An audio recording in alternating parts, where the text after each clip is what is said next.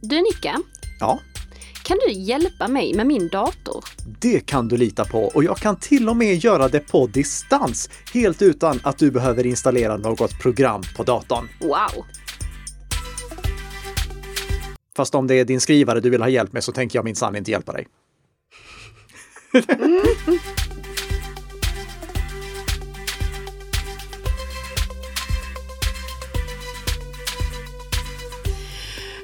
god morgon, god morgon Nicka! God morgon, god morgon Tess! Och det är så fantastiskt härligt att vi sitter faktiskt i samma rum denna gången. Ja, det kunde vi ju inte göra förra veckan eftersom jag var i sån här karantän. Det var tack och lov inte corona jag hade råkat ut för. Nej.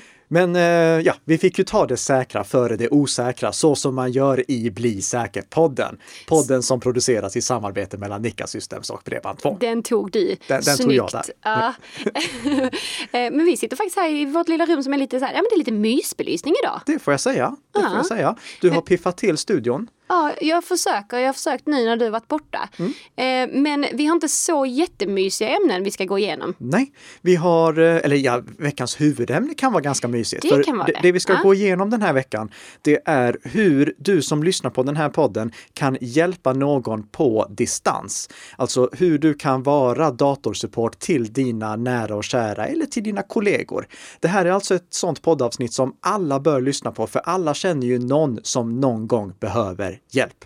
Ja. Och om du vill lyssna på just det specifikt så kan du hoppa direkt vidare till eh, det kapitlet. Antingen om du har en poddspelare som stödjer kapitelindelning eller genom att kolla i våra show notes. Men innan vi går in på det så har vi veckans snabbisar och de är inte speciellt mysiga. Nej, det är de inte. Det första är faktiskt en riktigt tråkig nyhet.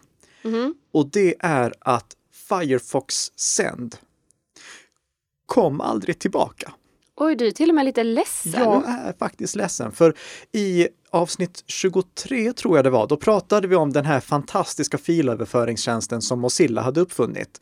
Med Firefox Send gick det att dela filer som var upp till en gigabyte stora utan att man behövde logga in och utan att man behövde betala en enda krona. Och allting var dessutom gjort hatten av på helt rätt sätt. Det var end-to-end krypterat så att man kunde skicka filer helt säkert utan att ens Mozilla som drev servrarna kunde se vad som delades. Ja. Men det här blev också tjänstens fall. I somras, någon gång i juli, då stängde Mozilla ner den här tjänsten tillfälligt och skrev på sin webbplats så här. Firefox Send is temporary unavailable while we work on product improvements. We appreciate your patience while we make the Firefox Send experience better.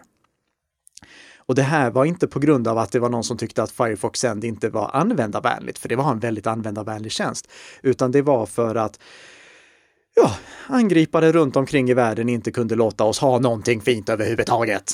Och de började missbruka den här tjänsten, för de tyckte också det var jättesmidigt att kunna ladda upp skadeprogram till Ja, den här tjänsten. såklart. Ja, så de laddade upp skadeprogram där. Och sen så skickade de en länk till offret de ville attackera. Och Mm. offret såg ju då en länk som ledde till en ganska seriös domän, firefox.com.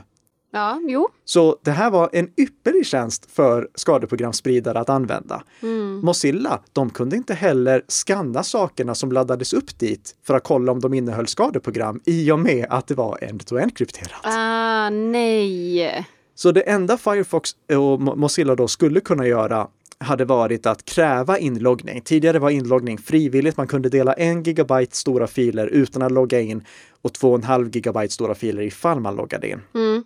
Och jag kan tänka mig att de hade kanske kunnat återuppfinna tjänsten och då ha krav på inloggning för att i alla fall kunna kontrollera lite vem det var som laddade upp saker.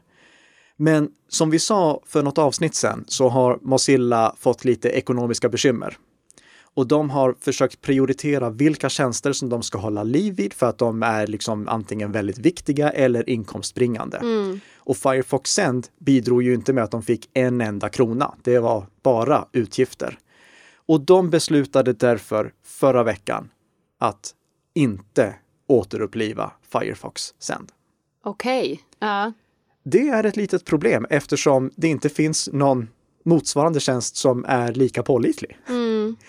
Det som jag får rekommendera för de som vill kunna skicka end-to-end krypterade filer på ett säkert vis, det är att installera Signal på datorn. För då kan man skicka upp till 100 megabyte stora filer i alla fall end-to-end krypterat. Jag vet, det är inte alls lika praktiskt i och med att då måste båda parterna ha Signal på datorn. Mm. Men det är i alla fall det alternativet som står till buds. Om man inte behöver end-to-end kryptering, då kan man ju dela via Google Drive eller via OneDrive. För där kan du ju lägga hur stora filer som helst. Där är det bara din begränsning, alltså hur mycket data du får lagra på respektive molntjänst som sätter gränsen på hur stora filer du kan dela. Just det. Så då är ju det en praktisk lösning. Och kom ihåg, det är den lösningen som jag alltid rekommenderar när det handlar om att dela filer företagsinternt. I och med att du då kan dela filer utan att behöva förlita dig på länkar. Då kan du ju dela en mapp så att eh, dina kollegor kommer åt allt som ligger där i. Eller en specifik fil och då dyker den filen upp i det deras OneDrive eller deras Google Drive utan att de behöver klicka på länkar. Mm. Så det, är det jag rekommenderar normalt sett ändå. Sen finns det faktiskt en tjänst till som jag ska kolla lite närmare på. Det var en av våra lyssnare, eller en av Bli säker-bloggens läsare, som tipsade mig om Tresorit Send. Som Aha. alltså är en konkurrerande lösning till Firefox Send. Och jag kommer inte att börja kolla på den än, men de skriver i sin FAQ att de har planer på att låta en tredjepartsfirma granska hur den här tjänsten fungerar och att släppa den under öppen källkod. Så det här kan bli en liksom Firefox sänd ersättare på sikt. Okej, så den finns inte nu egentligen då? Ja, tjänsten eller? finns nu, men ja. jag, jag, kan inte säga huruvida den är bra eller inte. Nej, för okay. först och främst så måste någon tredjepartsaktör granska den. Ah, och så får ah. de gärna släppa den under öppen källkod, för det är ju någonting som vi gillar här. Mm, absolut. Alltså om du tyckte det där var en sorglig nyhet mm. så kommer jag trumfa nu här. Okay. Ehm, lyssna på detta. Den 10 september utsattes universitetssjukhuset i Düsseldorf för en utpressningsattack. Till följd av detta så kunde inte sjukhuset ta emot akuttransporter, vilket påverkade en pågående transport med en patient med livshotande sjukdomstillstånd. Ambulansen fick omdirigeras till ett sjukhus i Wuppertal som låg 32 kilometer bort istället och den extra körtiden kostade alltså patienten livet. Jättetråkigt ju. Ja. ja. Eh, tyska medier rapporterar att polisen kunde ta kontakt med angriparna som låg bakom attacken. Och när angriparna fick veta att attacken hade drabbat ett sjukhus och inte själva universitetet som är knutet till sjukhuset, som egentligen var då själva måltavlan, så avbröt angriparna attacken och försåg polisen med krypteringsnyckeln. Sjukhuset har nu återgått till normaldrift och som det ser ut nu så har ingen så data stulits eller någonting sånt. Är detta första gången, Nika, som vi ser att en person sätter livet till på grund av en digital attack? Um, nej, det, det, här blev det ju väldigt tydligt. Mm. Och jag, jag, kan inte dra mig till minnes att det har varit så här tydligt någon gång att en utpressningsattack har kostat någon livet. Men i ett kommande avsnitt så kommer vi att prata om NotPetya-attacken som drabbade hela det ukrainska samhället. Och där har i alla fall någon följdkonsekvens säkerligen gjort att någon fått sätta livet till. Men det här blev ju väldigt, väldigt tydligt. Mm. Ehm, så ja, mycket tråkigt ehm, att det här händer. Hoppas att det här är någonting som världens utpressare också tar till sig att okej, okay, nu har ni faktiskt rent direkt dödat en person. Precis. Snyggt jobbat. För det utreds ju för dråp nu också ju, av polisen kan tilläggas. Med, med all rätt. Ja, med precis. All rätt. Ja. Mm. Och jag kan ju bara här då flika in också ett, ehm, ett litet eh, Twitterinlägg som en av mina idoler, Mikko Hypponen, mm. twittrade ut i samband med att eh, det blev eh, problem med utpressningsattacker mot sjukhus i samband med alltså covid-19-utbrottet. Mm. Och han skrev så här på Twitter tidigare i år. Public message to ransomware gangs. Stay the F away from medical organizations. If you target hospital computer systems during the pandemic, we will use all our resources to hunt you down. Oj, oj, oj, lite hotfullt ja. här. Så det, det, det, är bra att bära med sig för alla som håller på med den här typen av kriminell verksamhet att om ni inte vill ha en väldigt kompetent och bevisligen arg finländare efter er, så sluta upp med sådana där saker. Mm, mm. Verkligen. Ja. Kan vi äntligen lämna de här sorgliga och tråkiga nyheterna? Det kan vi göra, för nu kan vi prata om hur ni som lyssnar på den här podden kan hjälpa era nära och kära med deras datorproblem. Och det här är alltså någonting som jag tror att alla bör ta del av för att det är så många gånger som man har någon som man vill ge lite hjälp till, men man har svårt att göra det för att man ska förklara över telefon. Ja, klicka här och sen så går du dit och sen så går du dit och så blir det fel någonstans i alla fall. Mm. Men i våra operativsystem som vi kör på datorn så finns det möjlighet till fjärrsupport så att man kan fjärrstyra nära och kära datorer på ett säkert vis.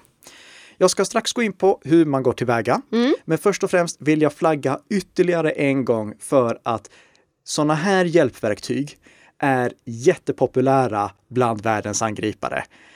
Ehm, alla som lyssnar på den här podden har troligtvis någon gång hört om eh, de här Microsoft-bedragarna, alltså bedragare som ringer och säger att de kommer från Microsoft och att de har detekterat ett jätteskadligt program på en dator som de vill hjälpa till med att avinstallera. Mm.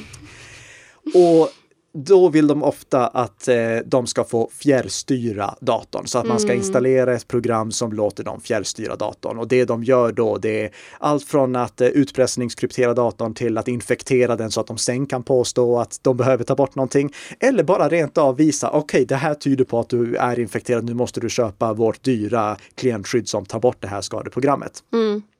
Om det Eh, någon av er som vill eh, egentligen höra hur ett sånt här samtal går till, så lägger jag med en länk till eh, ett klipp som vi spelade in när vi blev uppringda på Kjell Company, där jag jobbade tidigare, av sådana här bedragare. För det, det är så ja, bedragaren som pratar med mig, hon blir så arg på mig.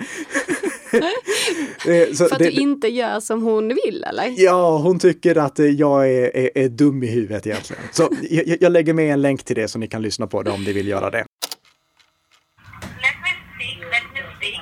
Of course. So we are providing you a free software, okay? Yes. For the Verify.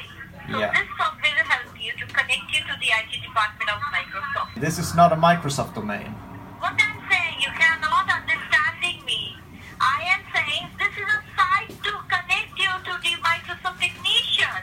Oh, I. Okay. Understand? I, I see. So I should use Skype because you are on Skype, right?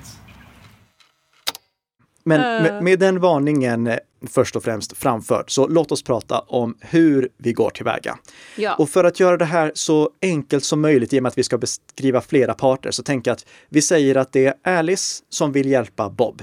Så Bob har fått problem på sin dator och Alice ska hjälpa honom med det problemet. Och det ska hon då kunna göra på distans. Så Alice sitter någonstans i världen, Bob sitter någon annanstans i världen och Alice ska kunna hjälpa honom där. Okej. Okay. Om vi förutsätter att både Alice och Bob har varsin Windows 10-dator, då kan de använda en funktion som heter Windows snabbhjälp. Och den ligger lite undangömd i Windows. Det är inte någonting som många tänker på att finns där, men det gör det. Så om, om du liksom mm. skriver snabbhjälp, om du söker efter det på din Windows 10-dator, så dyker den här funktionen upp. Den är inbyggd i Windows, inget extra som behöver installeras. Okej. Okay. Det som då de här två personerna gör, det är att först och främst så tar Alice, som eh, då ska hjälpa Bob på distans, och startar appen och får då en sexsiffrig kod genererad åt sig. Den sexsiffriga koden är bara giltig i tio minuter. Mm. Hon läser upp den koden för Bob, till exempel över ett telefonsamtal, och Bob skriver in den. Sen får Alice välja ifall hon vill ta full kontroll över datorn eller bara visa skärmen. För att det kan ju hända att hon vill kunna fjärrstyra allting eller så kan det hända att hon bara vill kunna se vad Bob gör så att hon liksom guidar Bob i mm. vad det är han mm, ska vidta för åtgärder. Ja. När hon har valt det så dyker upp en fråga hos Bob där eh, Bob frågas om eh, han vill godkänna att Alice tar över hans dator. Mm. Och den frågan som dyker upp då, den är lite konstigt formulerad. Jag, jag läser här vad som står.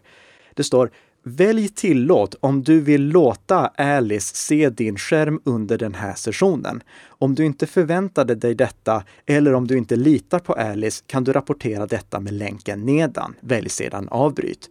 Om Alice är en person du litar på kan du fortsätta, men tänk på att stänga saker du inte vill visa.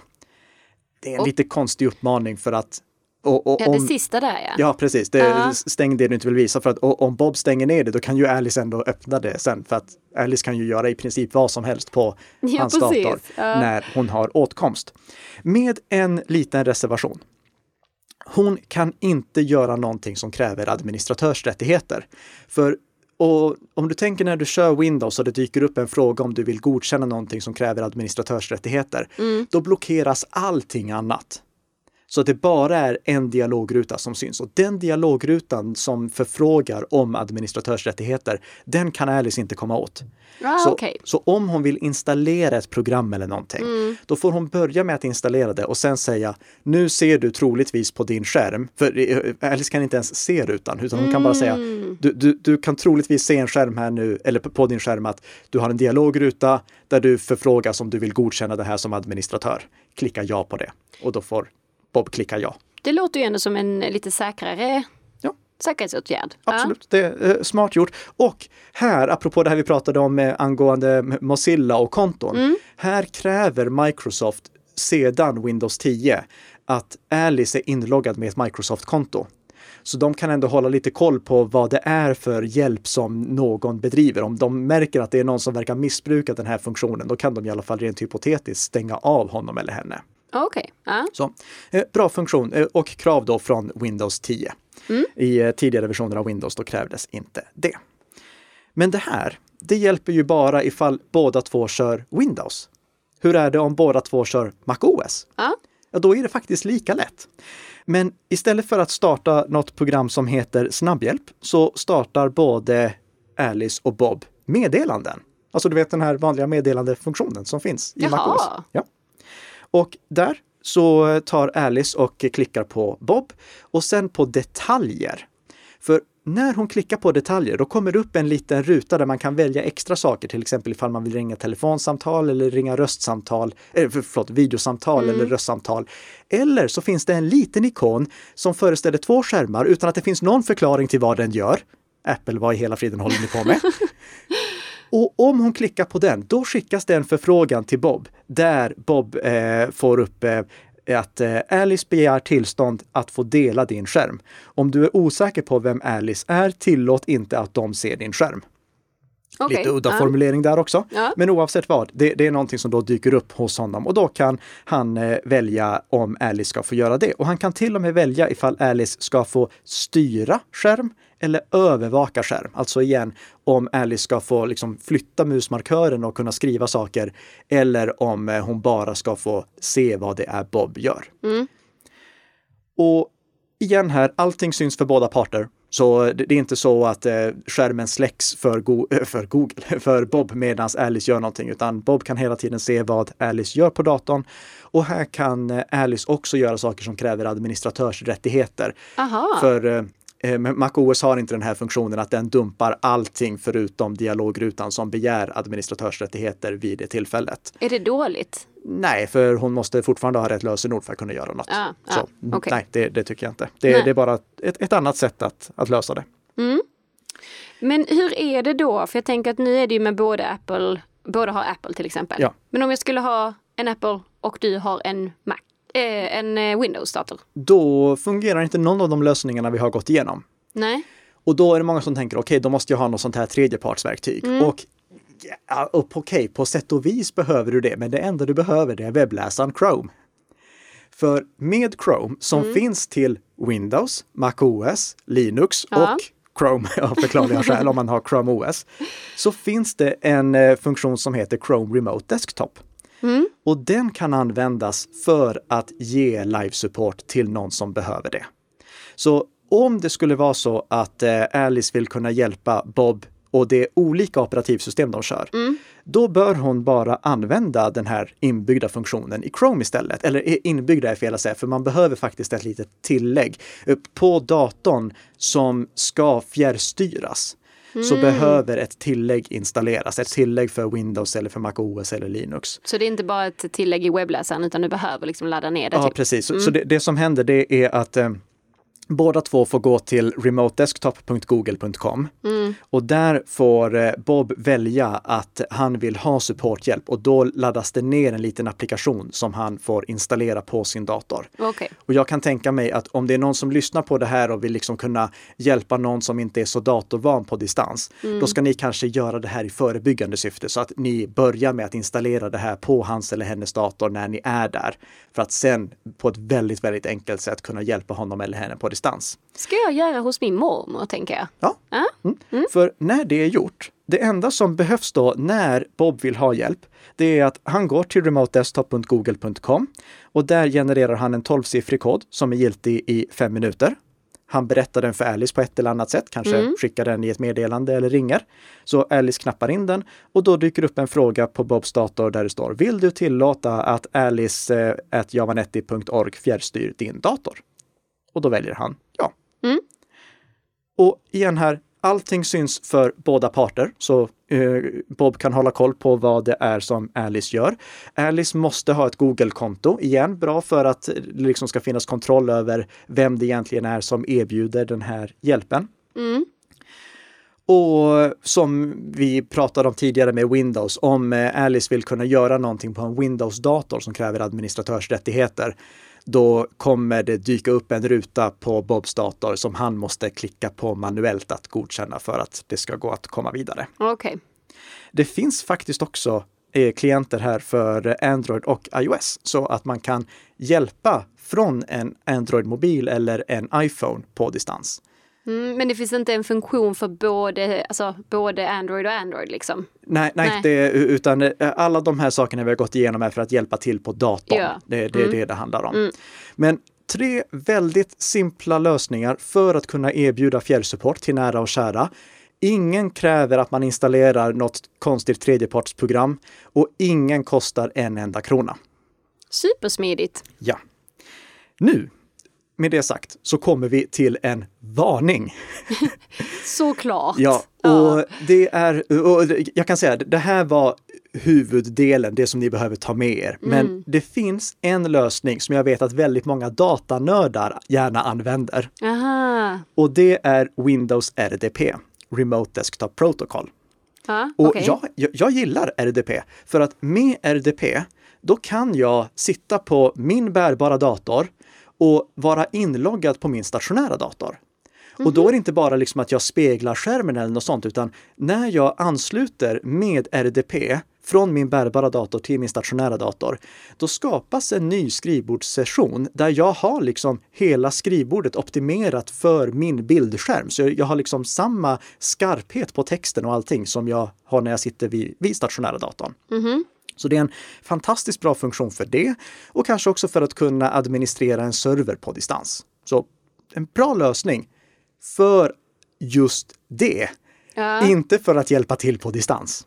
Okej, så du menar att detta är någonting som eh, missbrukas inom eh, situationstecken? Ja, Ja. eh, och det, det första, för, första anledningen till att man inte ska använda det här för att hjälpa till på distans, det är att för att det ska fungera så måste datorn som Bob sitter vid, alltså han som ska ha hjälp, den måste köra Windows 10 Pro eller Windows 10 Enterprise. Så det går Okej. inte med hemversionen. Nej. Och sen så är det här inte en lösning som fungerar bra över internet. För när du använder Remote Desktop Protocol, RDP, då skriver du in IP-adressen eller datornamnet som du vill ansluta till. Och det fungerar inne i det lokala nätverket med en lokal IP-adress. Men om du är på internet, då kan du inte skriva in den lokala IP-adressen. För, d- den går bara att nå när du är på samma sida av routern. Ja. Det går inte att nå från andra sidan av routern. Just det. Så det går inte att använda den här lösningen för att kunna hjälpa till på distans i och med att då är de två personerna som ska hjälpa varandra vid datorer på varsin sida av routern. Och här är det någon som tänker då, ja, men man kan ju faktiskt öppna en port i routern. Men det ska man väl inte göra? Nej! Vi har gått igenom det här många gånger tidigare och, och, och jag kan säga, du får inte under några som helst omständigheter öppna en port i routern för att kunna ansluta med RDP till en dator på distans. Inte överhuvudtaget. I, i, ingen av de här lösningarna som vi har pratat om tidigare, alltså med eh, eh, att använda den inbyggda funktionen i Windows, den inbyggda funktionen i MacOS eller den inbyggda funktionen i Chrome. Ingen av de lösningarna kräver att du öppnar någon port i routern. Nej. Och RDP gör det.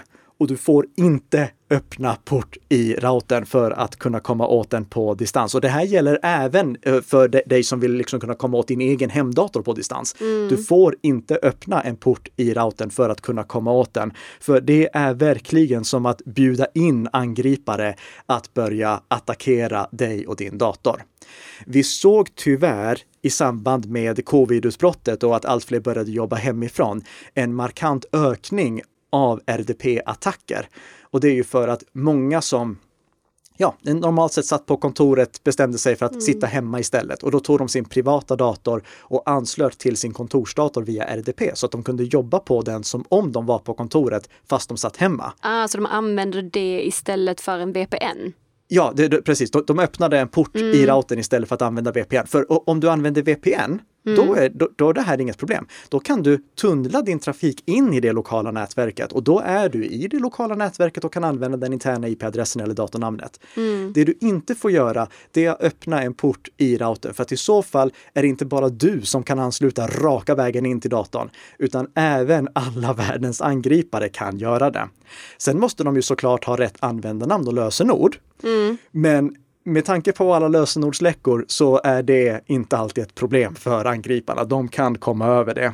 Och faktum är att eh, Covare de har gjort en liten undersökning över vilka de vanligaste vektorerna är för utpressningsattacker, alltså metoderna som används för att genomföra utpressningsattacker. Ja.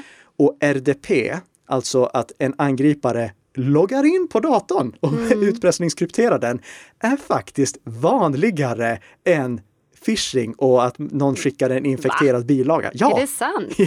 så det, det är bara liksom för att sätta det i kontext. Ja, det, verkligen. och som om det inte var nog med det, så är RDP-protokollet, som är en kvarleva från 90-talet, så fyllt med säkerhetsbuggar att jag har tappat räkningen på hur många det är vid det här laget. Så RDP i sig, det, det är helt okej att använda. Men en dator får aldrig någonsin, under några som helst omständigheter, vara exponerad mot internet med RDP-påslaget. Var, var det tydligt Ja, nog? det var väldigt tydligt. Under Så- några som helst omständigheter. Mm. Exakt. Och, och det här är ju någonting som alla kan tänka på som jobbar på distans. Om ni använder Remote Desktop för att komma åt er arbetsdator och ni kan göra det oavsett var ni är utan att behöva slå på företags-VPNen, då bör ni faktiskt prata med den som är IT-ansvarig i er organisation för att höra om det här verkligen är korrekt konfigurerat. För det kan annars vara att ni har en stor säkerhetsbrist in i företagets datorer. Så det, det rekommenderar jag alla att göra. Och vet du vad mer jag rekommenderar alla att göra? Att lyssna på den här podden. Precis, och att göra det varje vecka. För nästa vecka, då är vi tillbaka med ett nytt avsnitt av Bli säker-podden igen, som gör dig lite säkrare för varje vecka som går. Tipsa jättegärna också dina vänner så att de kan bli lite säkrare och vi får fler lyssnare helt Ja, enkelt. det är också kul. En bonus på det. Ja, precis, precis. Hur som helst, jättestort tack för att du har lyssnat och på återhörande. Hej då! Hej då!